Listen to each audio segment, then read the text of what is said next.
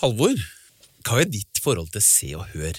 Du, det eh, har jeg jo tenkt litt på før denne her eh, økta her, og det er eh, det, det er litt sånn blanda. Jeg, jeg la meg jo fascinere av det, men det jeg husker best, var at jeg fikk grenseløs kjeft av mor mi da jeg kjøpte Se og Hør for en togtur Hæ? da jeg var liten. Ja. Jeg fikk penger til å kjøpe noe underholdning da på togturen, Ja. eh, og det gjorde jeg. Eh, og, den, og det ble inndratt. Ja. Eh, For det Jeg ikke det skal- unge Halvor lese, nei. Nei, Nei. slik eh, smusslitteratur og sladder, det eh, driver vi ikke med. Hva tenk, har du tenkt om de som eh, skriver Se og Hør? Jeg lurer jo av og til på om de som driver med det, hadde, har kjent på det sjøl, åssen det er å bli satt i intervjuobjektets Ja. eh, posisjon. Da. Ja, ikke sant? Det, vil, det ville vært karma, ikke sant? Eh, og gjett hvem vi har i studio i dag? Ja, vi veit jo det. Vi vet det. En Se og Hør-reporter som dro ut for å lage et sensasjonelt oppdrag, men som istedenfor å få historien han jakta på, endte opp sjøl på avisenes forsider.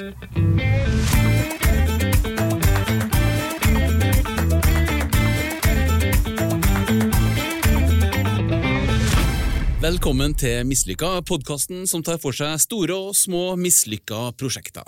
Jeg heter Ole André Sivertsen, og i studio så har jeg med meg Halvor Haukerud. God dagen. Hei.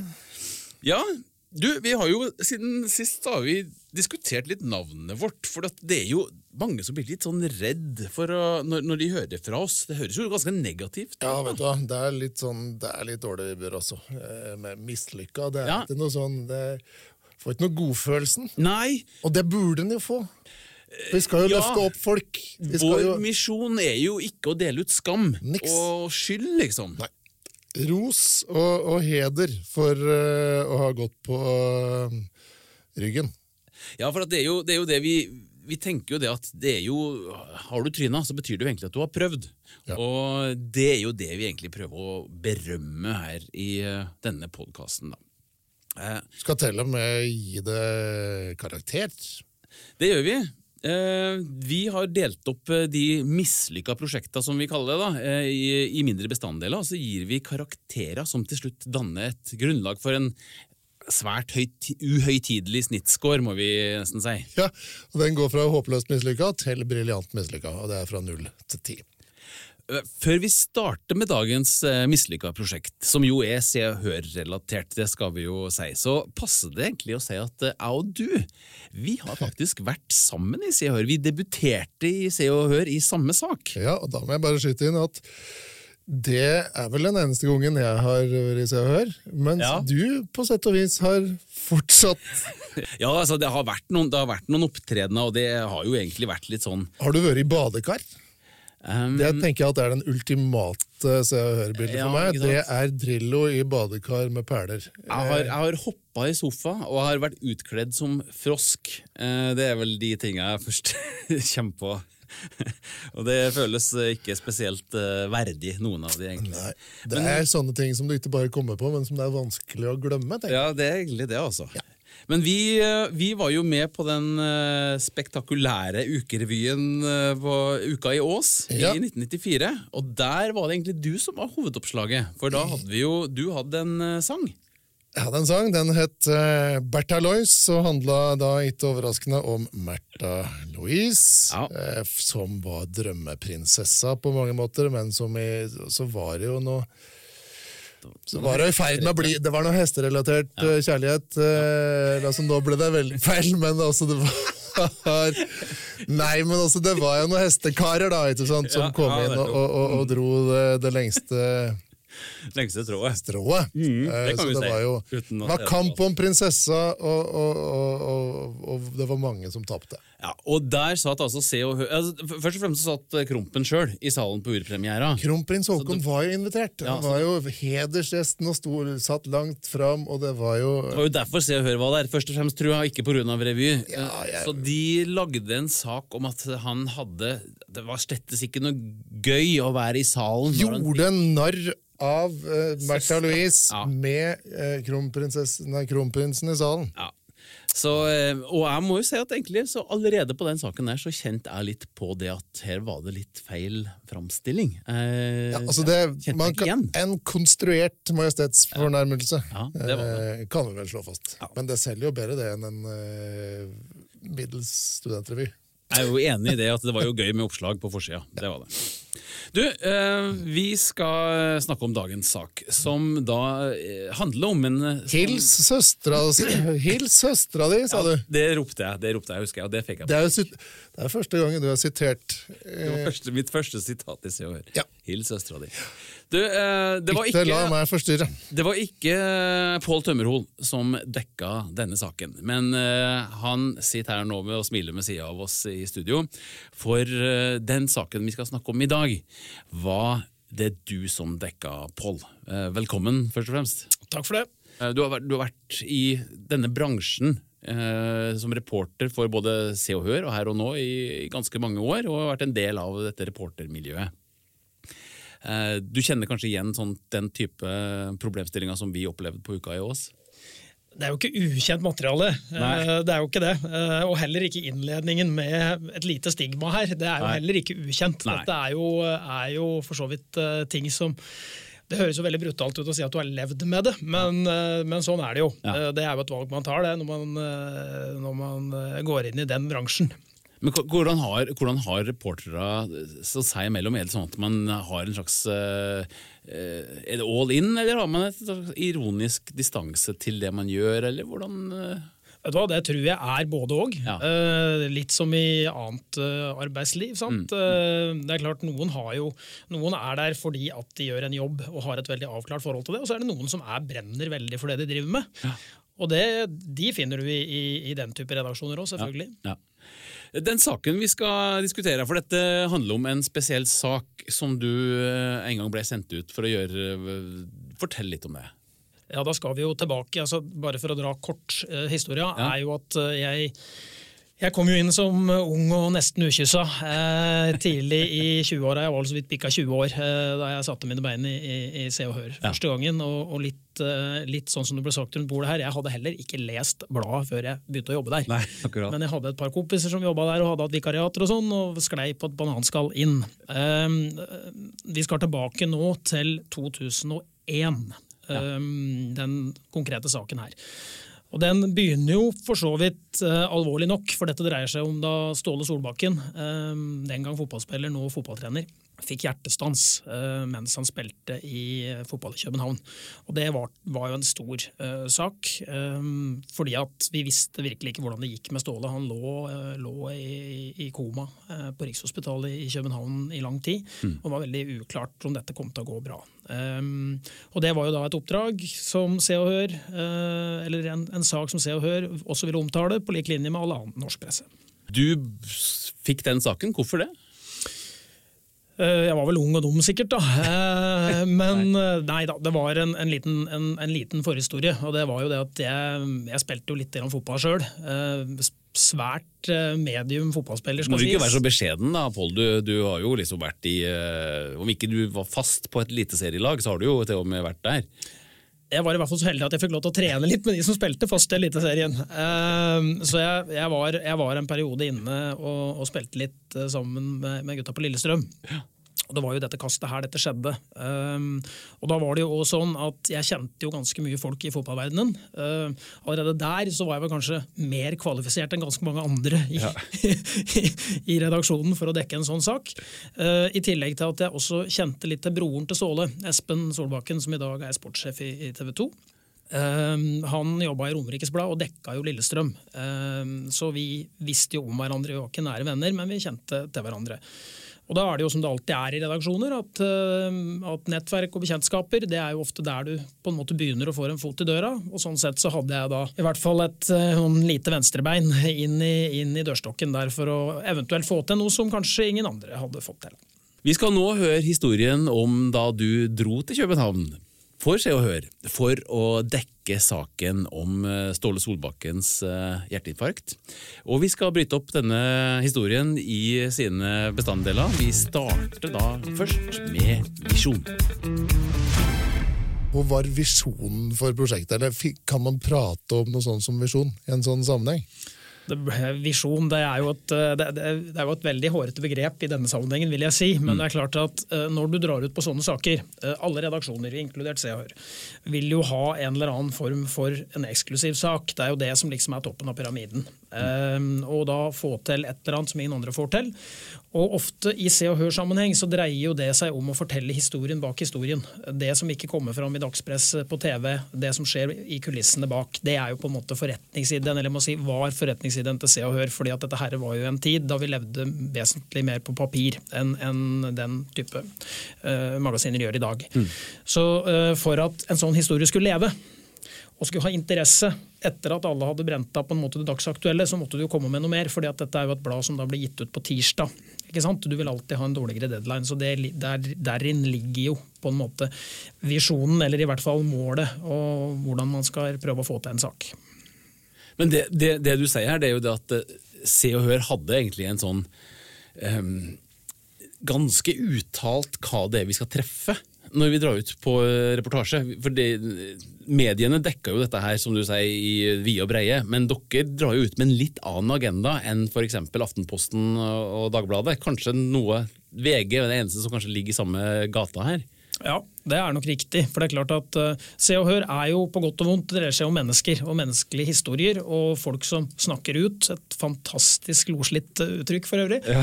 Uh, men, men og er, nå er du her og snakker ja. ut til det, syns jeg er Det var jaggu på tide. men, men, det er jo der det ligger. Og også avisene har dette, men det er klart at de har en annen dimensjon også, de som er dagsaktuelle på nyheter. fordi at de formidler jo det som skjer der og da. Mm. Mens, mens et, et ukemedie vil vil ta en annen rolle. Så her dreide det seg jo uh, Strengt talt, bestillinga er jo egentlig veldig grei.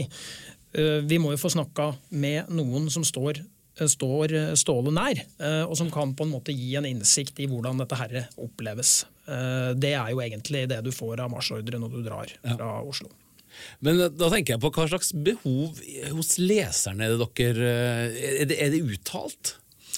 Ja, det er jo, uh, Om det er uttalt, vet jeg ikke, men det ligger jo uh, en litt sånn forventning om at uh, du skal altså folk skal på en måte åpne seg litt mer mm. enn de gjør ellers. Altså du, du går, kan godt si at du går litt mer i dybden, men du er i hvert fall ute etter de menneskelige relasjonene og de menneskelige følelsene. Det er jo det som det er jo det som dette dreier seg om. Det handler om å, å dekke leserens behov for å, å stikke nasaen sin nedi noen egentlig ikke har noe med. Liksom. Er det altså nysgjerrighetsbehov? Er det, er, det, er det, ordet sladder du jakter på ja, her? Ja, men jeg tenkte jeg bare skulle ja. Gå litt rundt det? Ja. ja. Um, jeg vil si ja og nei. Eh, noe av det er jo selvfølgelig det, fordi at folk er jo nysgjerrige. Eh, dette vet jo Ole, som var en pioner i, i, i eh, reality-TV-ens gullalder, holdt jeg på å si. Dette her med, med, med, hvordan folk kan kikke litt inn i hvordan andre folks privatliv er. Mm. Og det tror jeg er litt sånn det er iboende i oss, og så er det ikke avgrensa til om folk er kjente eller ei. Vi er litt sånn, Dette er jo at du er nysgjerrig på naboen. Mm. Og det samme, dette er bare tatt ut i en virkelighet der de du kikker på, er kjent. Det er jo det vi egentlig prater om. Ja. Eh, så er, men så er det en dimensjon til her, og det er jo det at det er også et informasjonsbehov. Vi skal huske på at Dette var i 2001, og dette er litt viktig, for dette er i 2001. Se og Hør selger 420 000 eksemplarer i uka. I et land som er da 4,5 millioner, eller hvor mange vi var den gangen. Det er mye. Alle lesere. Ja. Uh, alle lesere. Uh, så det er et altså, de har et, også et, et, et, en rolle å spille mm. i offentligheten uh, i forhold til å komme med relevant informasjon når store ting skjer. Mm. og så har jo utviklinga sett annerledes ut selvfølgelig etter at, ja. etter at vi ble digitalisert. Ja. Vi skal ikke sette oss til doms over hva som er en eh, god eller en dårlig visjon. Det skal vi ikke si noen ting eh, om, men vi skal prøve å plassere den da et eller annet sted på, på skalaen mellom hva som er Er dette en stor samfunnsnyttig eh, rolle, eller er, er det ikke Eller for å si det sånn, det hadde en, på en sånn to, toppevisjon hadde vært å løst hjertestoppgåten i et globalt perspektiv, tenker jeg. Eh, mens mer i andre enden av skalaen, det er å Det er ikke behov for Har du hørt at uh, Jeg synes at, eh, jeg elsker jo boka 'Sapiens' av en eh, Yuval eh, Harari. Og Han skriver det at sannsynligvis utvikla vi språket vårt for det at vi hadde et behov for sladder. For sladder er en grunnleggende egenskap vi trenger for å for eksempel få bakgrunnsinformasjon om folk vi omgås med, hvem som er den riktige å, å velge til å få unger med, osv. Altså, det her var helt nødvendig informasjon. Så det er jo et grunnleggende behov, Halvor, å få litt sladder. Det- Sier dem, sier dem hjemme i Åfjorden der jeg kommer fra. Ja, ja, men det du sier hvem nå, dem? det er at- Det er alle. Vi hadde ikke hatt en sivilisasjon slik vi kjenner den, hvis det ikke hadde vært for Se og Hør. Eh, Ja, det er nesten det jeg sier, men det, Ja. det er, jeg tror nok Det ikke er eh, et klapp på skuldra til den kulørte pressen, tenker jeg. ja. Den er iallfall et resultat av en evolusjon som har verdsatt sladder, da, tenker jeg. Eh, Men om man skal få en sånn veldig høy karakter eh, for visjonen, det er jeg kanskje litt mer usikker på, for den, den treffer jo folk på et individnivå mer enn et samfunnsbehov, kanskje. da. Så eh, vi har satt en karakter, vi, Pål, som eh, høres veldig lav ut. Eh, men du får en eh, treer på visjonen for å dekke hjertestoppet til Ståle Solbakken. Høres fortjent ut. Vi skal over på en neste punkt, som er motivasjon og entusiasme. Hva slags motivasjon dro du til eh, København med? Jo, på et individuelt nivå så er det jo sånn at du ønsker jo alltid å gå ut og gjøre en best mulig jobb. Eh, Det har jo litt med yrkesstolthet å gjøre, og det har jeg alltid satt, eh, satt høyt. Så for min del så dreide det seg jo rett og slett om å dra og få til noe som ingen andre fikk til. Mm. Komme hjem med en sak som ingen andre hadde. Men den entusiasmen som du måtte ha da, eller engasjementet i, det, i, i saken, um, s- smitter det over på de du møter? For dette tenker jo at eh, Se og Hør-reportere var jo ganske vant til at, å bli møtt med et eh, skuldertrekk, eller at man ikke skepsis. ønska oss skepsis ja, i utgangspunktet. Eh, Og det tenker jeg jo kanskje at familien til Ståle Solbakken måtte ha hatt eh, når du dukka opp.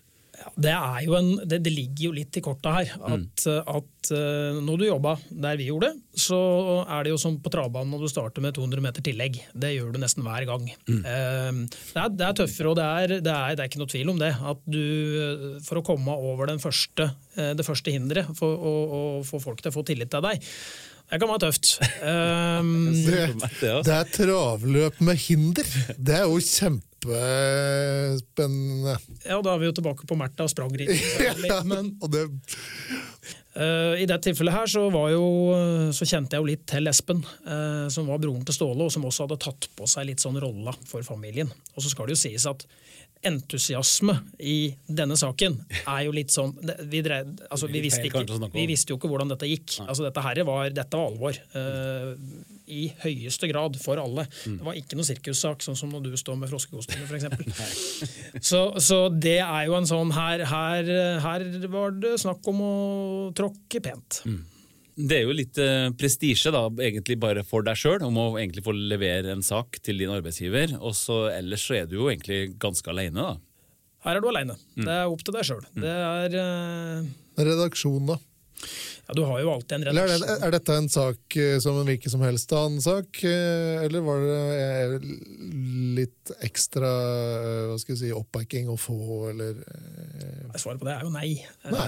Men, men du har jo en redaksjon i bakkant. Selvfølgelig En, en reportasjesjef, en redaktør osv. som du kan ringe og spille på lag med. Men til sjuende og slutt når du er ute der, så er det jo, det er jo hva du gjør av innsats, og hva du får til med, med dine kilder osv., som avgjør om det blir sak eller ei.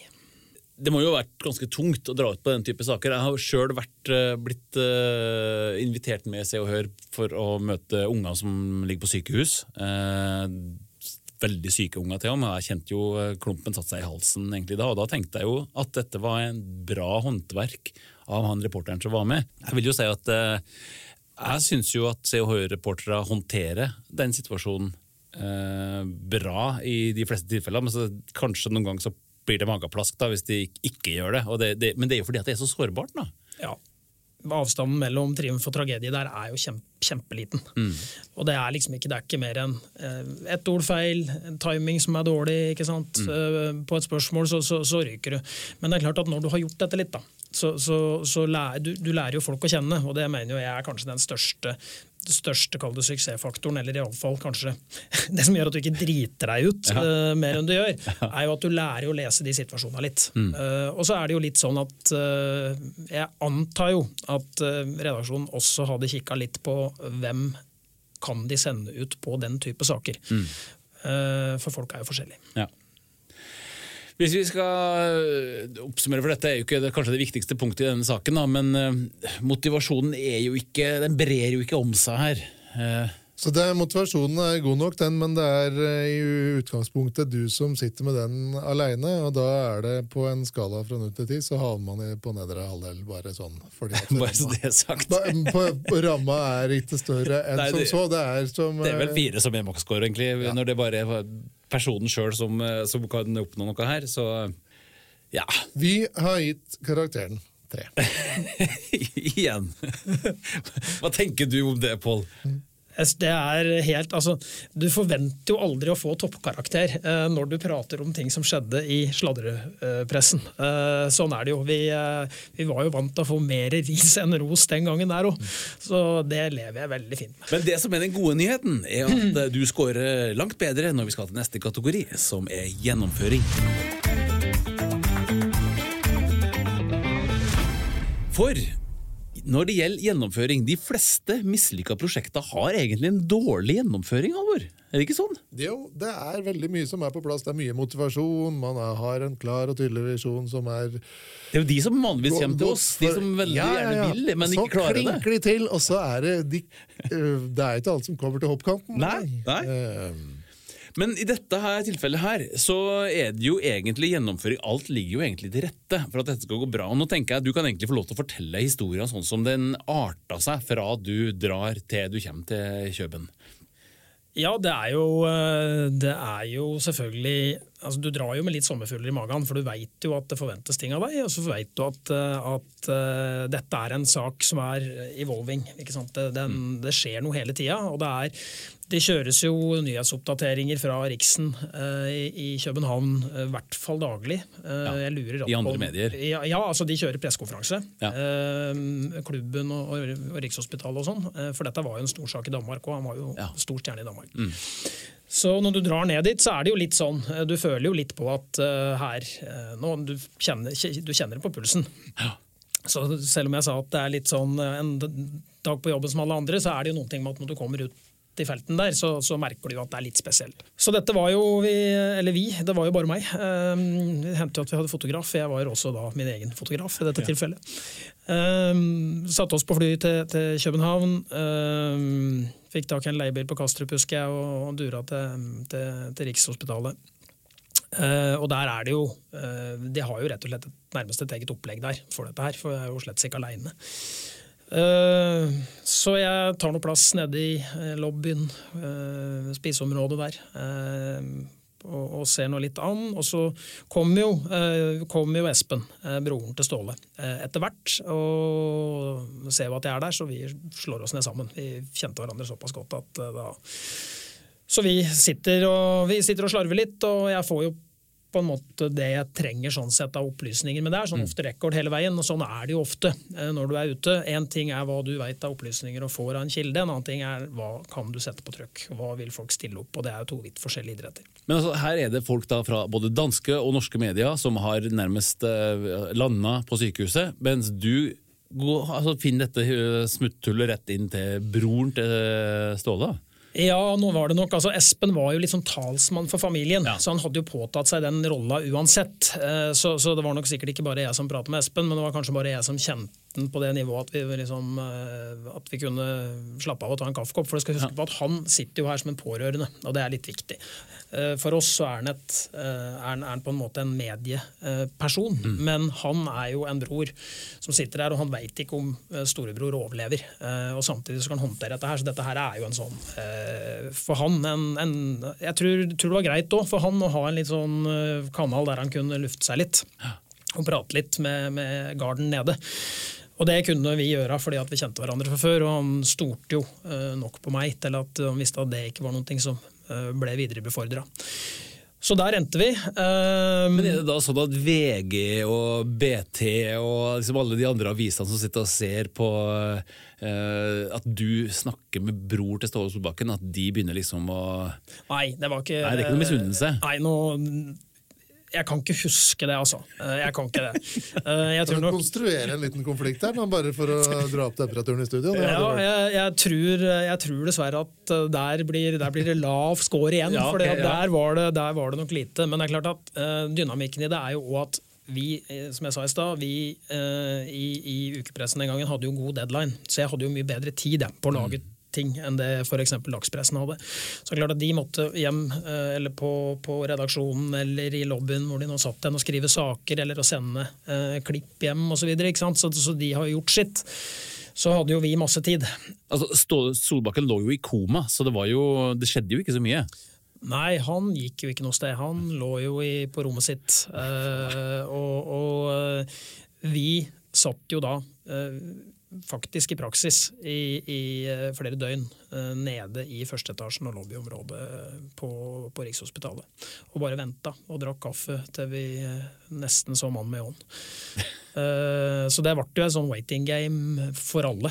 Hva er, det- hva er det du venter på? Altså, når den våkner, Er det å komme opp og ta bilde av en, eller et intervju med en? Eller, eh, Er det rett håper? opp på rommet, få på en nisselue, eh, et eller annet eh, noe, no, noe, noe blomster og, og, og frukt og grønt i noe cellofan, eh, og så er det Så er vi i mål. Nei, antakelig. Ja. Eller er jeg litt stigmatiserende nå? Uh, du er jo stigmatiserende, eh, men du er jo morsomt stigmatiserende. Uh, men det skal jo sies at det var jo ikke Nei, det du gikk helt, helt sånn alvorlig, det man venta på her, var jo en avklaring. Eh, Fordi at familie nå er jo litt sånn, det er jo større sjanse for at de vil si noen ting når ting er avklart. Så det var liksom sånn, du satt, bare, du satt og venta på at eh, noe skulle skje, sånn at eh, det var muligheten for å lage en oppdatert sak, selvfølgelig for vår del, opp mot, opp mot neste deadline. Eh, så det er liksom brudd i, i monotomien vi, monotomien vi venta på, og det kom. Men det kom jo ikke der det var forventa. det kom i form av at jeg fikk en telefon fra Oslo.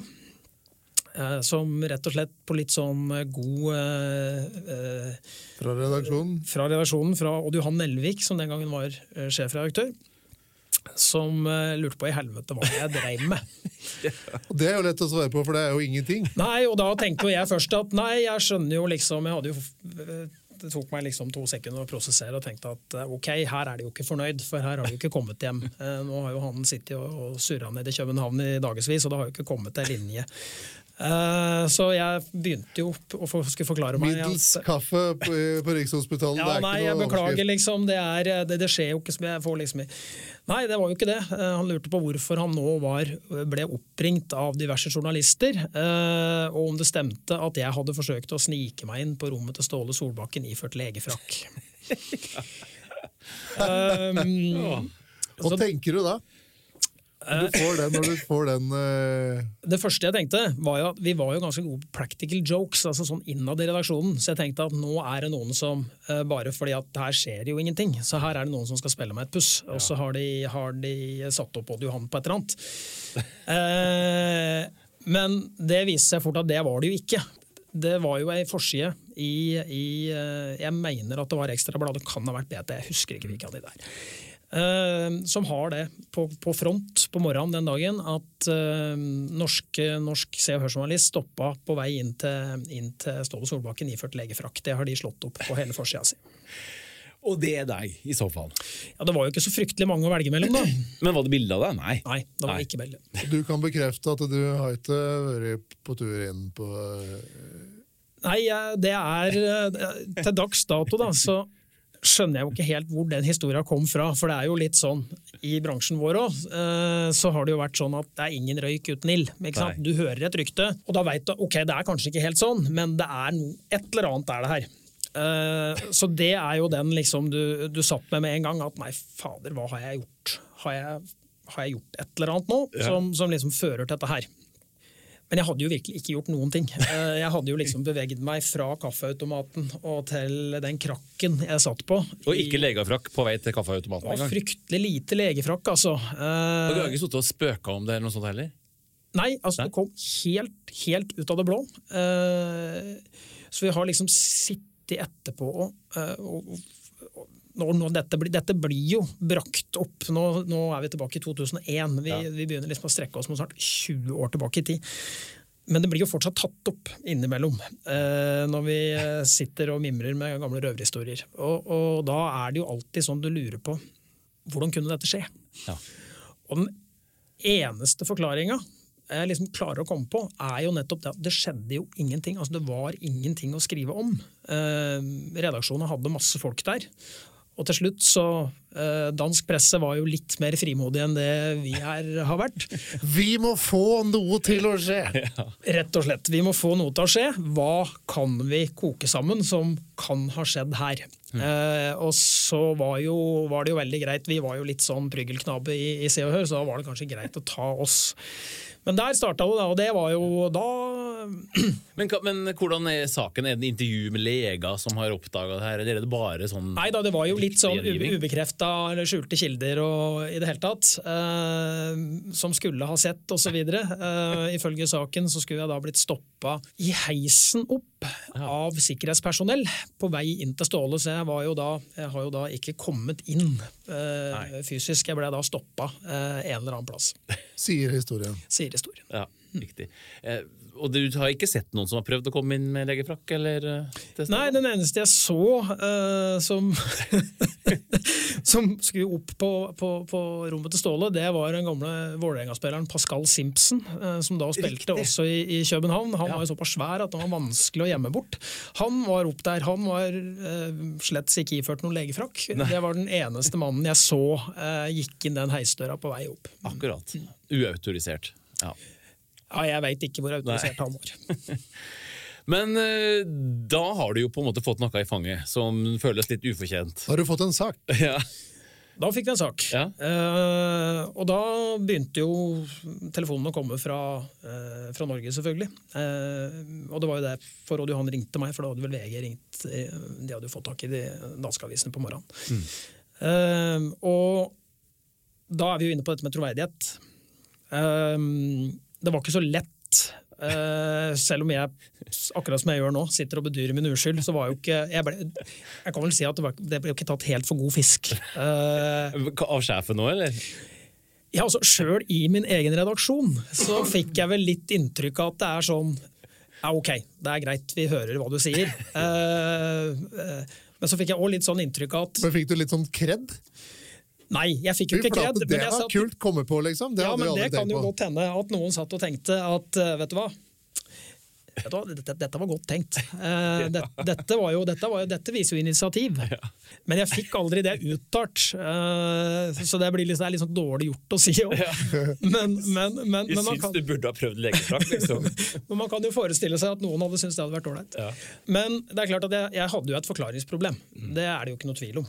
Eh, for jeg satt, jeg var aleine. jeg hadde ikke med meg eh, som jeg sier, en fotograf eller noe som helst. Så eh, hvorfor i all verden, hva slags motivasjon skulle en av Danmarks største aviser ha for å klinke dette opp på forsida hvis det ikke var noen sannhet i det? Eh, så da satt det en eh, kar fra Toten i begynnelsen av 20-åra der og var litt sånn opprådd. Hva er det som skjer eh, videre da? Du får den telefonen, og så jeg må jo på en måte forklare meg, eh, og så er jo da spørsmålet eh, på en måte, Er det noen som kan reinmaske deg, er det noen som kan si noe? Eh, og da eh, er jo igjen heldigvis Espen, eh, som tross alt har sittet med meg stort sett hele tida. Eh, en god eh, venn i nøden der. Ja. Og, og han, han gir jo et par intervjuer der han bare avkrefter dette og avfeier det som dumskap, og sier at det medfører ikke riktighet, for Pål har sittet her sammen med meg omtrent siden dette skjedde. Men det hindrer jo fortsatt ikke avisen i å lage saken. Nei. Fordi at uh, du lager jo saken uh, I Norge så er det jo sånn da, da lager jo de norske avisene sak om at uh, danskene hevder sånn og sånn, og så kommer det en, en, en, en et dementi på en måte fra Espen langt ned i saken. Ja. Så saken står jo der. Ja. Det er jo helt genialt. De har først en eh, ikke-sak, som de refererer, og så kan de referere dementiet altså, du, du, du, har- Da har du jo tre dager, da. Helt, Ja. eh, Da har du dekka det. Ikke sant? Ja. Så, så, så, så enkel er Dette er ikke en sak. Og dag to så kan du si det var ikke en sak. Vi bekrefter at det ikke var noen sak. Yes. Eh, og tredje dagen så er det sånn journalisten fra Se Hør kommer hjem Nettopp. etter en ikke-sak. Uansett hva jeg ville prøvd på da, eh, å få til, så ville det jo bli sett på med litt sånn uh, tvilsomt sideblikk. Så det var jo på en måte ikke så mye mer å hente. Så da var det jo å pakke sammen og tømme den siste lunkne kaffekoppen på Rikshospitalet og, og dra hjem med uforretta sak, for det er jo det som skjer her. Ja. Ok, så målsettinga var å lage en sak. Det kan jeg vel si at det ikke ble noe av. Nei, I hvert fall ikke den saken som var bestilt. Den ble ingenting av. Nei. Alt går jo, alt er Dette her er nok en dag på jobben som vi har prata om. Det er alt, og det er lina opp, og man har en eh, strategi, og man har noen rutiner, og man gjør sånn, og man kommer seg dit, og, og, og, man gjør det man kan gjøre, og så langt man kan gjøre. Og så plutselig så Uforskyldt. Uh, Så er det ferdig. Ja. Og jeg kan ikke se at du kunne sett det her komme, ut fra sånn som du forteller det, i hvert fall. Og, og, så, så vi har jo, når vi har prøvd å analysere hva vi skal gi deg karakter her, så, så kommer du altså høyt opp på gjennomføring. Det er vanligvis Dette er jo tross alt et prosjekt som ikke har blitt noe av. Og likevel så har vi lyst til å gi deg en sekser vi, på gjennomføring. Hva tenker du om det? Ja, Til å ikke ha gjort noe annet enn å sitte og drikke dårlig kaffe, så er det klart at det er jo Jeg syns jo det er godt belønna. Vi skal videre, og det høres jo ut som at det er et one-mans-band på tur her, men eh, vi skal likevel analysere organisasjon. En organisasjon i vår terminologi handler jo om alle involverte i prosjektet. Mm. Det kan være altså, de som eh, utøver eller skal gjøre det som skal gjøres. Det handler om eh, samarbeidspartnere, det handler om eh, nettverk, det handler om, om alle som er i det. Og ikke minst så handler det om er organisasjonene egnet for å nå de målene som er satt. Og det er jo en spesiell sak også, så det, jo, det, det, det krever noe ekstra. Det er jo ikke bare ned og ta, ta bilde av sykehuset, på en måte. Vi tenkte egentlig å fokusere her på Se og Hør som sådan, for du, du sier noe om at du ble jo valgt til denne jobben spesifikt fordi at du kunne fotball. Ja. Det er jo Jeg tror, tror faktisk det er så enkelt. Eh, Jeg havna på en måte litt sånn over på det som var med sport. eh, Fordi at det var der jeg hadde interessen, og kanskje der jeg hadde kompetansen, og der jeg hadde nettverket. Eh, Så sånn sett så var jo det en, en, en eh, riktig mm, beslutning kanskje å sende en med den type bakgrunn. Samtidig så var jo jeg fersk. Altså jeg var, ikke, jeg var ikke veldig gammel. Jeg var på et vikariat den gangen der eh, i Se og Hør. Og du ble jo kasta litt på dypt vann. Uh, men det var jo òg litt av måten bladet på den tida testa folk. Uh, fordi at det er jo ikke A4 å jobbe som journalist i, eh, i Se og Hør, og det var jo ikke det. Eh, Det var jo eh, mange tilfeller der man henta inn prisbelønte journalister fra DN eller VG eller sånne ting, som aldri funka ordentlig i Se og Hør-systemet. Og det går jo litt grann på at det er en spesiell sjanger. Mm. Du må være litt, litt på en måte spesielt skrudd sammen, tror jeg, sånn som type òg, for, for å tåle de greiene der. Ja. Eh, så Hvordan da? Nei, det er klart, du, eh, som jeg sier, det er jo en sjanger. Når Ole begynte å spørre her om det er liksom, er du, eh, er det, er du typen som brenner for denne jobben sånn eh, virkelig liksom personlig, eller er du den som er på jobb og for å løse en jobb profesjonelt? For meg så var det jo det siste. Jeg var jo, og kan godt si at du har en ironisk distanse til det, men uansett, skulle du lykkes, så måtte du jo ha en Du måtte kjøpe konseptet, og du måtte kjøpe sjangeren, for dette er jo sjanger. Det er jo det det dreier seg om.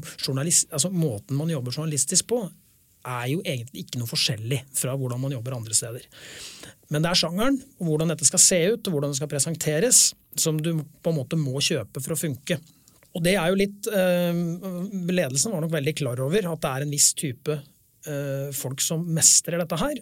Og dette var en måte å teste, eh, teste folk på, tenker jeg. Så, eh, så det var jo litt sånn sink or swim. Og da kan du jo si at det er bra at organisasjonen gjør det på den måten. Eh, Jeg vil jo tro at det er en metode som gjør at ganske mange synker, noen få svømmer. eh, sånn sett. Men at det var en tanke bak, det var det. Det handler jo egentlig om å ha kompetanse på å skaffe seg et nettverk i det miljøet du rapporterer fra. Da. Jeg tenker Hvis det hadde vært liksom Stoltenberg-familien som skulle lage sak om, så hadde det ikke vært, det hadde vært noen andre med kanskje et godt nettverk innen politiske miljøer som hadde blitt sendt ut. Naturligvis. Og dere hadde dekka ganske store samfunnsområder da, i Se og Hør med forskjellige reportere med forskjellig kompetanse og nettverk? Ja, absolutt. Eh, det var, det var en svær redaksjon, og med utrolig dyktige folk. Og, og, og nøkkelen, nøkkelen, til dette her, for å lykkes og de som virkelig var bra, var jo de som hadde A, et stort nettverk, eh, B, de som fiksa sjangeren. Eh, det er de to tinga som liksom var suksesskriteriet. Det høres mm. enkelt ut, men det mm. var jo ikke så enkelt i praksis. Også, har det der endra seg i dag? Ja, Det har jo endra seg fordi at mediebildet har endra seg. så det er klart at De store redaksjonene er jo ikke der lenger. Eh, der kanskje Se og Hør hadde 30-40 mann tidligere, så er det jo nå nede på en håndfull. Mm. Uh, og det er klart at det har jo noe med utvikling å gjøre. Og så er det at uh, altså, et, en, en, ukeblad i, i vår, vår, tid, en, en deadline én gang i uka, to ganger i uka, når ting går så fort, det, det gir seg jo litt sjøl at det er en dinosaur. Og så er det gjort også når vi prater om organisasjon, og det kan jeg være åpen på. Jeg har vært med såpass lenge på disse tinga at, at uh, Se og Hør gjorde jo noen grep Eh, som, som, jeg tror var uheldig. Og sett i etterkant så tror jeg vi kan sette to streker under svaret på at det var uheldig. Eh, blant annet så er jo medarbeidere og deres nettverk det er jo det som, som, som driver mye av Se og Hør. Når du skal ha noe ingen andre får, mm. så er det klart at da må du ha nettverk og, og kilder som også er bedre. Det, det sier seg sjøl. Og, og, i en periode der så forsvant det eh, mellom 15 og 20 mann i løpet av en la oss si et år, halvannet, så forsvant det eh, mellom 15 og 20 personer fra redaksjonen av ulike årsaker. Og når du får et sånt frafall, og det var egentlig før nedbemanning og sånt, da bare så det er klart. Mm. Eh, når det forsvinner så mye folk, så, så, klarer du ikke å tette det hølet. Eh, for alle de hadde sitt nettverk i forskjellige områder og lag av samfunnet.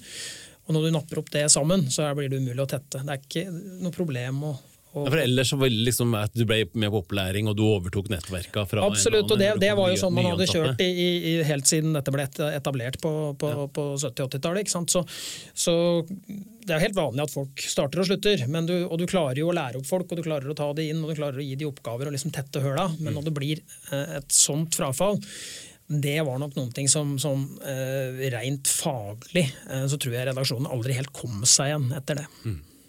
Men på dette tidspunktet her så var eh, de store nettverka på plass. Nå hadde en eh, egna organisasjon. Du hadde ditt eget nettverk. Du eh, satt der på Rikshospitalet med broren til eh, Ja, Men det blir jo ikke bedre enn det faktisk i denne saken, da. Nei, men altså Nei? sånn eh, Hvis man bare kynisk, ja. Eh, objektivt ser på hvordan det var satt opp, mm. så innafor innenfor den ramma en jobber, mm. så, så, så, er det jo var ting på plass. Ja da. Og så har jeg lyst til å si bare det, for det er litt viktig. Det er liksom, litt sånn kritisk her, men det som var veldig bra, var jo at det satt et team bak deg. Så hvis du kom hjem med på en måte råmateriale, mm. så ble det eh, Det kunne forvaltes veldig bra. Det satt en gjeng bak der som hadde kjempegod peiling. Da er vi inne på den berømmelige Desken, blant ja, annet, ja. som var veldig flinke på det. Uh, som gjorde at de kunne i, i uh, stor grad gjøre gull ut av gråstein òg. Så hvis du mm. kom hjem med, med, et råmateriale som var bra, så ble du tatt godt vare på. Ja, bra. Eh, hadde jeg ikke tenkt jeg skulle si at jeg skulle berømme organisasjonen til Se og Hør, men dette her syns jo vi er Organisasjonen funker. Ting er på plass. Det er jo ja. Karakter, Halvor? Sju. Herlig. Neste kategori er risikobildet. Det er jo ikke så mye som kan gå feil, da. Jeg mener Bortsett fra saken at Ståle Solbakken kunne dø. Eh, så det kunne jo blitt sak likevel, for å være litt kynisk. Men det er jo ikke eh, prosjektet her. Nei, nei, prosjektet nei, vårt, eh, det er prosjektet til Rikshospitalet i Danmark. Ja, ikke sant? Få fart på, på, hjertet. På, på, hjertet til Ståle Solbakken. Ja. Det er deres prosjekt. Nettopp. Så vi skal ikke legge oss bort i de tingene. Vi skal ikke ta på oss noe legefrakk og stille opp der. Det har vi vel konkludert med. Vårt prosjekt er kort og godt lage den saken. Er det noe risiko knytta til å lage en sak Få Se og Hør?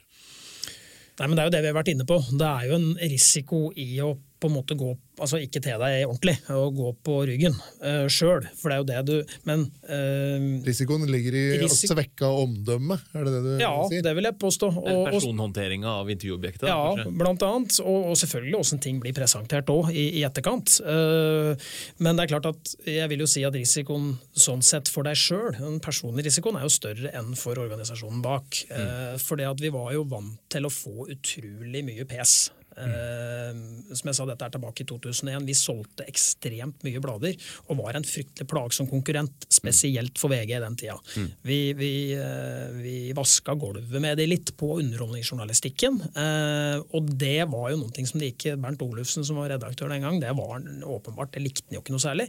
Så hver tirsdag når vi kom ut, så ble jo bladet godt etter i sømma, og hvis det var noe vi hadde gjort, trådt feil, noen som ikke var fornøyd med saker, så var det alltid en oppfølger i, i VG, eh, fortrinnsvis dagen etter, eh, som på en måte skulle diskreditere dette. Og det var en sånn bevisst strategi i konkurransesammenheng. Mm.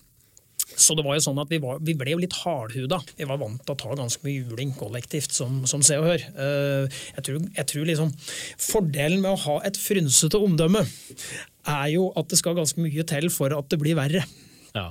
Eh, jeg jobber jo med, med PR og kommunikasjon i dag, og det er, sånn, det, det, det er jo en kjensgjerning. At, at, jo bedre det står til, jo, jo, lenger ned er det når det smeller. Men er du litt nedi sumpa, ja. så tåler du ganske mye juling, og da kan du ta litt flere sjanser. Ja. Eh, ikke sant? Vi, jo, vi, er jo sånn at vi, vi synes jo at for et prosjekt hvis et prosjekt skal score bra, så bør man jo ha litt i potten, for å si det sånn, at det må være litt risiko i det. Og det er jo knytta opp mot gevinsten i andre. Gevinsten, nettopp. Og, og sånn, som, eh, sånn, som, her, vanligvis berømmer vi altså litt risiko. Eh, men sånn som her så har vi egentlig ikke funnet at det har vært noe høy risiko. er nesten så Vi syns at du er i motsatt ende. at vi trekker, Hvis vi trekker nå, så trekker vi rett og slett fordi at dette er et veldig safe prosjekt. Mm.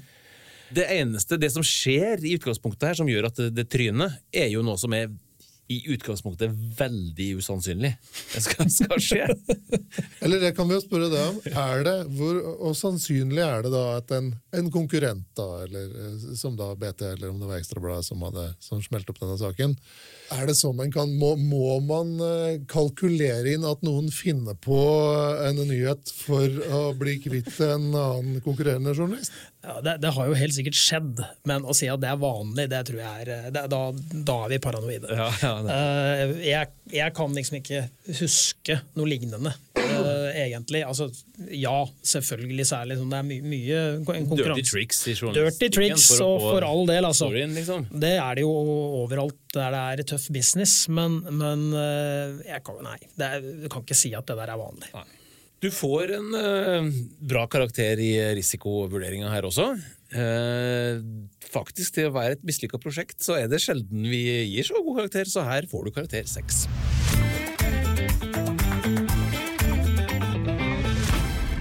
Siste punkt i evalueringa av uh, den falske legen på Rikshospitalet i København. Det er læringa, utbyttet du satt igjen med etterpå, Pål. Hva har man egentlig med seg i, i ettertid, etter å ha vært med på et sånn eh, ganske besynderlig uh, prosjekt? Uh, det er jo først og fremst en god historie. Det er derfor vi sitter her så mange år etterpå og prater om den. Men ja. det er klart at uh, umiddelbart der så, så sitter sitter du jo liksom altså, eh, Jeg vet ikke om du lærer så fryktelig mye av det, for vi har liksom konkludert med at det er jo et bananskall. Mm. Eh, og det er liksom ikke så mye man kan få gjort. Men det er dette her med at uforutsette ting skjer. Eh, det er kanskje det som liksom er, er hovedlæringa, og at det må man takle. Mm. For det er klart Dette her kommer bare susen inn fra høyre som, en, som et svingslag.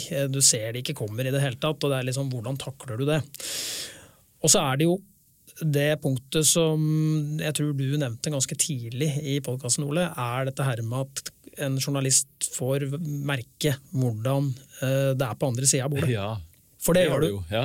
For det gjør du her. Mm. Uh, definitivt. Uh, og det er jo litt sånn kan jeg lett å sitte og si nå som det er en del år siden jeg var journalist, og, og, og, og liksom har avstand til det. Men kanskje er det litt bra at, at man får kjenne på det av og til, så du veit hva du sjøl er med på.